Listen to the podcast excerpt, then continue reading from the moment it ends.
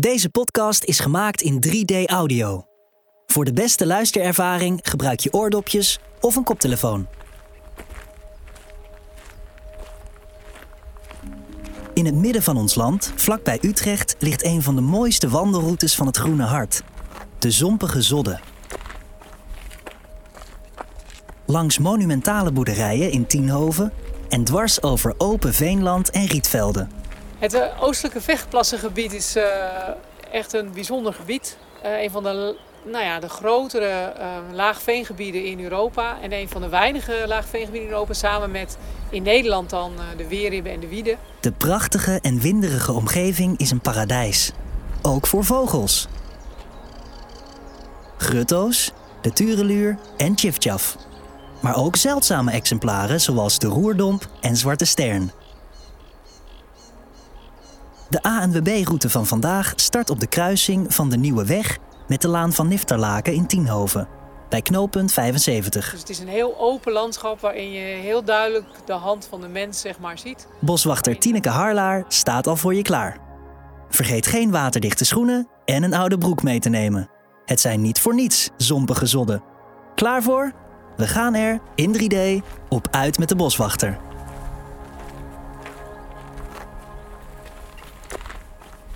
Dit gebied is de Westbroekse Zodde ten noorden van de stad Utrecht. Wat eigenlijk onderdeel uitmaakt van een heel groot laag veengebied. Ook wel genoemd het Oostelijke Vechtplassengebied. En waar lopen we nu? Um, we lopen nu eigenlijk door um, een gebied, een bosgebiedje. Um, en dat, is, dat ontstaat eigenlijk als je helemaal niets doet. Als je in dit gebied niets doet en wij, gaan, wij stoppen allemaal met beheren. We denken, nou, uh, laat het maar gebeuren. Dan uiteindelijk ontstaat er een moerasbos, een broekbos. En dat is waar we nu eigenlijk lopen. En je voelt als je in de ondergrond voel je al een klein beetje het veren, want het is een, een zachte ondergrond. Um, er is extra veel hout op aangebracht, want het kan hier ook best zompig zijn.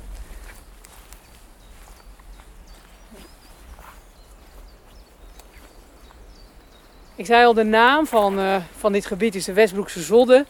En zodde is eigenlijk een ander woord, een oud Nederlands woord voor nat gebied, moerasgebied. Dus uh, nat is het hier vaak en veel.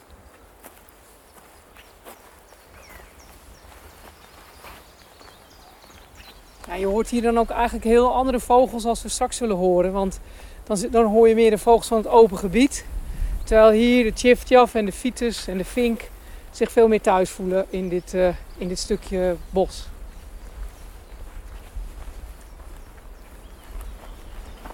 Tjif, tjaf, tjif, tjaf, tjif, tjaf. Deze. Maar die blijft uh, langzamerhand uh, door de warmere winters steeds langer in Nederland hangen. Dus er zijn nog steeds wel vogels die hierheen komen. Er zijn ook genoeg die hier eigenlijk al, al zijn en blijven.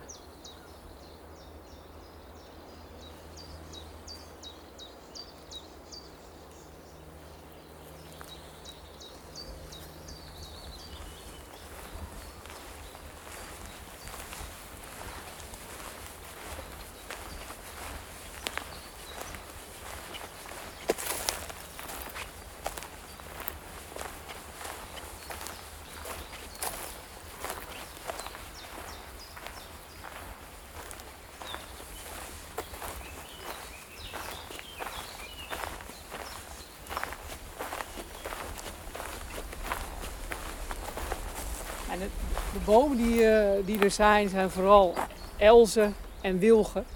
Bomen die heel erg van veel water houden. Die het niet erg vinden om met hun voeten in, uh, in de nattigheid te staan.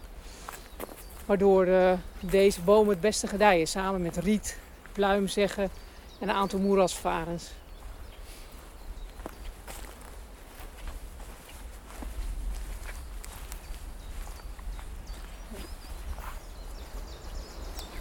Een melancholische vogel die je hoort, die zo naar beneden gaat, is een vitus.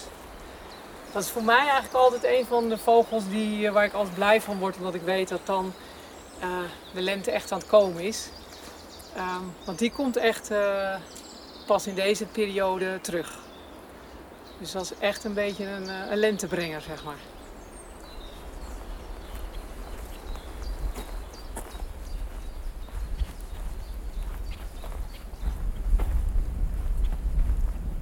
Nou, je hoort wel aan de wind dat we nu het bos uitlopen. en voor ons uit uh, is het een en al openheid. Hallo. Hallo.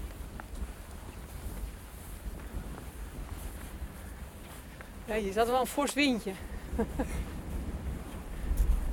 het is eigenlijk heel grappig om uh, dat je hier in een open landschap, maar je hebt toch zicht op die, die heuvelrug die je voor je uit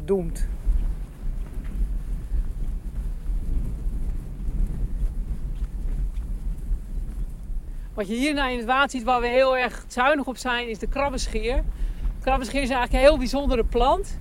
Die zinkt zich af in de winter en die komt in het voorjaar weer omhoog. En die kan zo'n hele sloot bedekken met uh, krabbenscheer. Daar, daar horen ook een paar libelles bij, die, heel bijzonder zijn. En de zwarte stern, die uh, broedt graag, hoewel het een beetje een prikkende plant is, die broedt graag op dat soort eilandjes uit veiligheid omdat het aandeel krabbenscheer nu een beetje afneemt, doen we hier en daar wel um, eilandjes maken voor die zwarte stern. Omdat beide laagveengebieden horen die uh, zwarte sterns heel erg.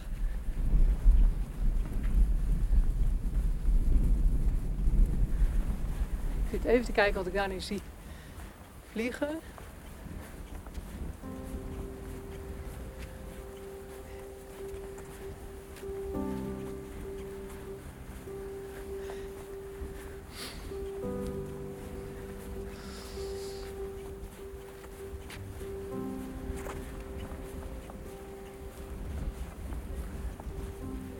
Ja, en uh, vogels in dit gebied, dat zijn een heel aantal. Dat zijn ganzen, futen, um, maar ook uh, roerdomp en purperreiger. En de purperreiger is wel een bijzondere reiger, want die uh, komt eigenlijk ja, alleen maar nu in deze periode komt hij terug uit Afrika om hier te broeden en daarna weer terug te gaan.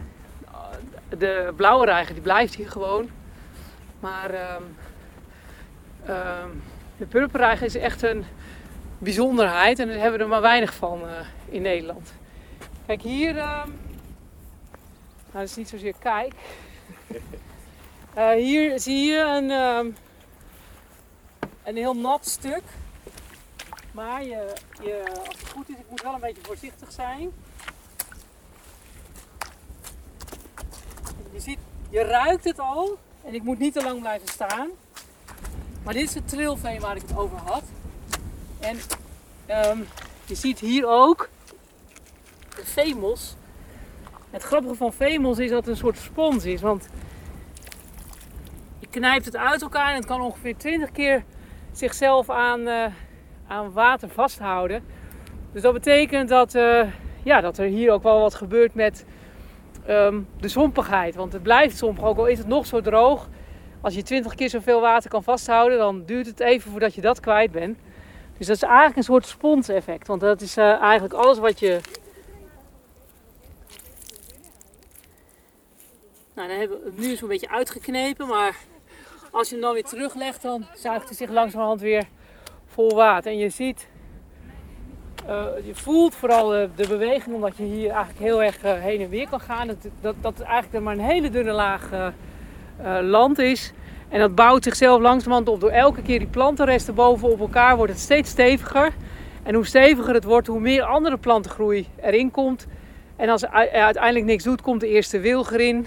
De tweede, de derde. En voor je het weet heb je hier een bosje te pakken, zeg maar.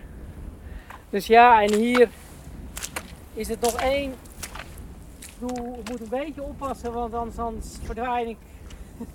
ik heb het wel gehad dat ik iets enthousiast ging uh, springen.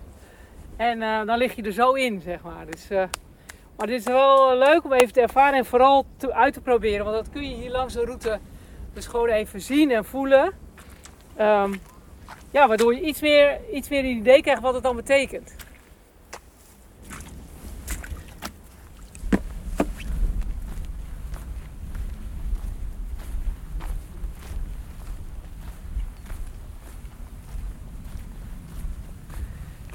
Eigenlijk heeft deze omgeving in elke seizoen wel iets bijzonders.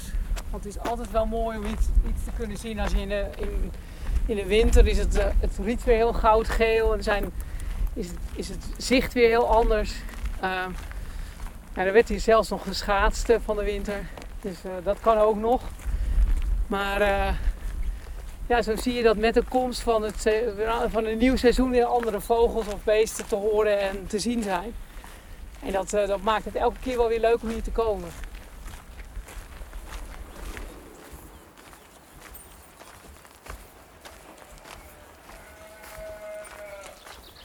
Dit is een eh, boerderij eh, ehm, uit 1900. Hiervoor stond ook al een, een oudere boerderij, zo'n langhuisboerderij met een heel lang huis. En hier is eigenlijk een heel mooie plek om als museum over hoe het, het gebied bewoond en gebruikt werd door, eh, nou ja, door de, de vroegere bewoners.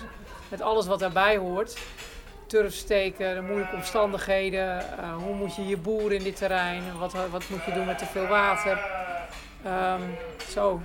Dus het is een hele leuke plek om eigenlijk even eh, te kijken op het moment dat het open is. Nou ja, en even rond te snuffelen om te kijken hoe dat vroeger hier toe ging.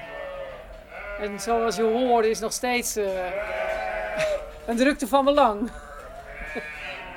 Dit museum Vredegoed, eh, hier kom je langs als je de ANWB-route loopt. Dus eh, je, passeert het, eh, je passeert het vanzelf. Het is aan het eind van het dorp eh Oud-Maarsterveen. Net voordat je de openheid weer ingaat.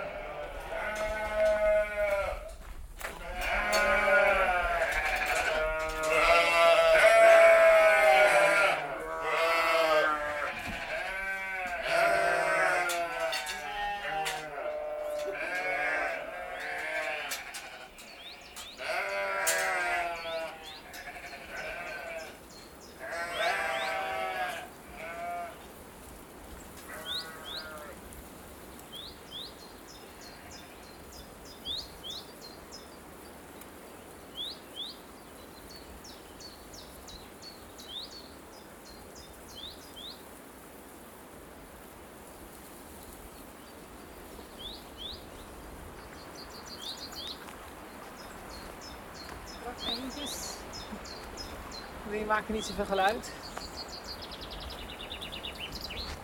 Ja, je zou niet zeggen dat hier, als je langs dit water eh, loopt, dat dit zo'n belangrijke plek was om eh, turf eh, te vervoeren.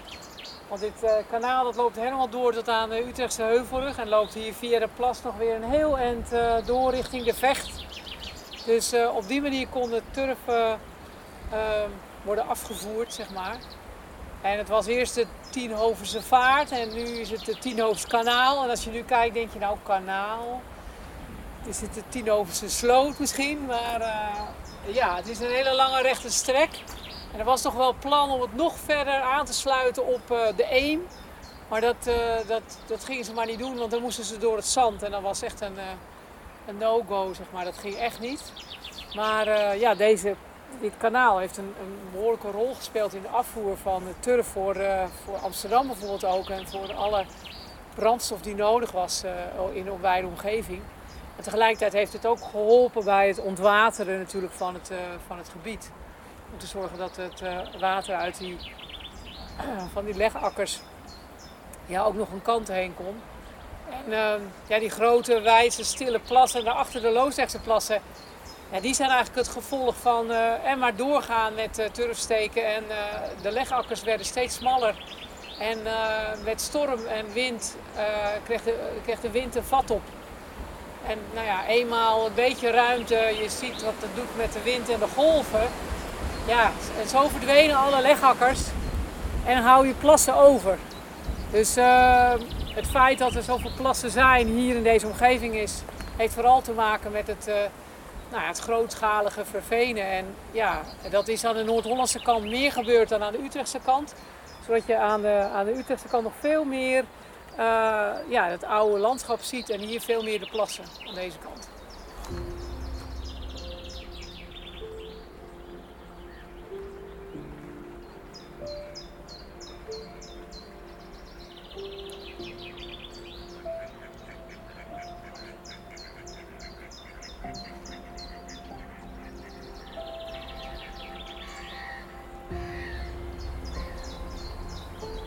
Ja, die tjiftjaf die is eh, onmiskenbaar. Tjif, tjaf, tjif, tjaf. Maar wat je ook hoort is eh, vink met de vinkenslag aan het eind.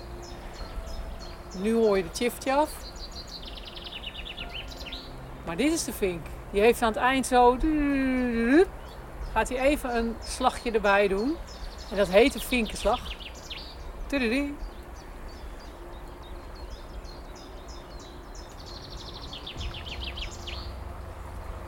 Ja, dus je hoort hier eigenlijk vooral de vink en de tjiftjaf. En net hoorden we nog een uh, roepje, want sommige vogels die zijn gealarmeerd, die doen zo'n roepje. Dat was in dit geval een koolmees die het alarmroepje is van, oh wacht even, wat is hier aan de hand? Wie zijn dat? Nou, wij zijn het maar, maar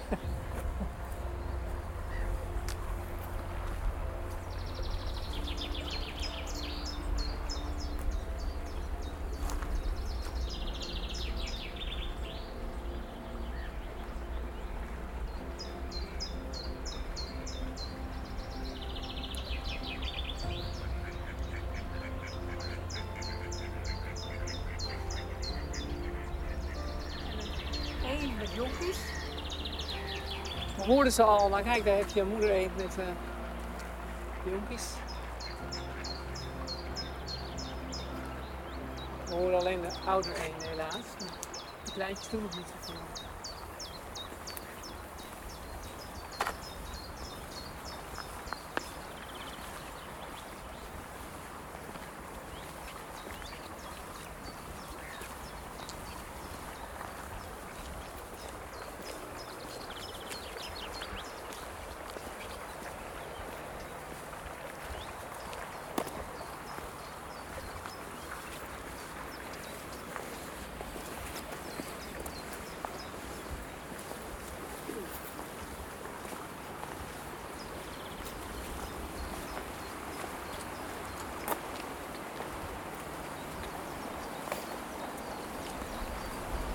Ja, ook aalscholvers, als je om je heen kijkt, eh, kun je wel zien. Je ziet ze nu niet, maar...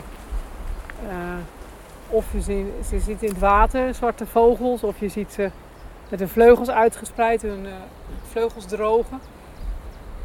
Je ziet hier een aantal aalscholverkolonies in de buurt, dus uh, de kans dat je een aalscholver ziet is ook nog best wel groot. Maar met veel wind blijven ze veelal op het, op het water. Eten vis.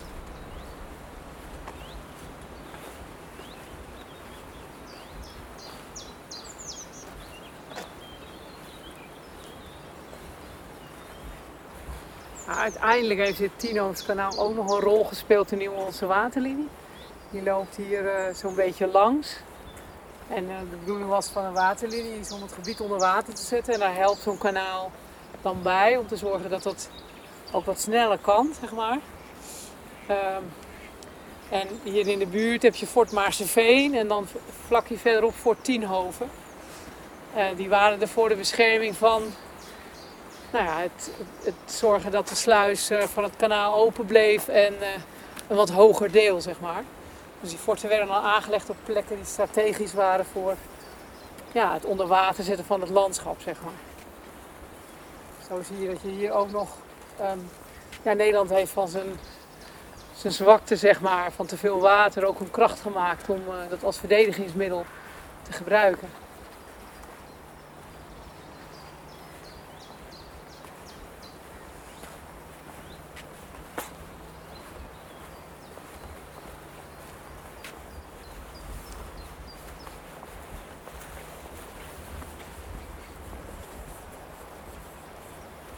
Deze AWB-route is een uh, super oer-Hollandse route waarin je heel erg mooi kunt zien hoe uh, mensen, het landschap en natuur hier uh, gezorgd hebben dat hier een unieke plek ontstaat.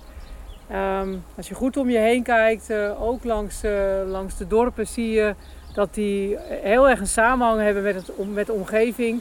Die zijn er ook niet voor niks zo gekomen.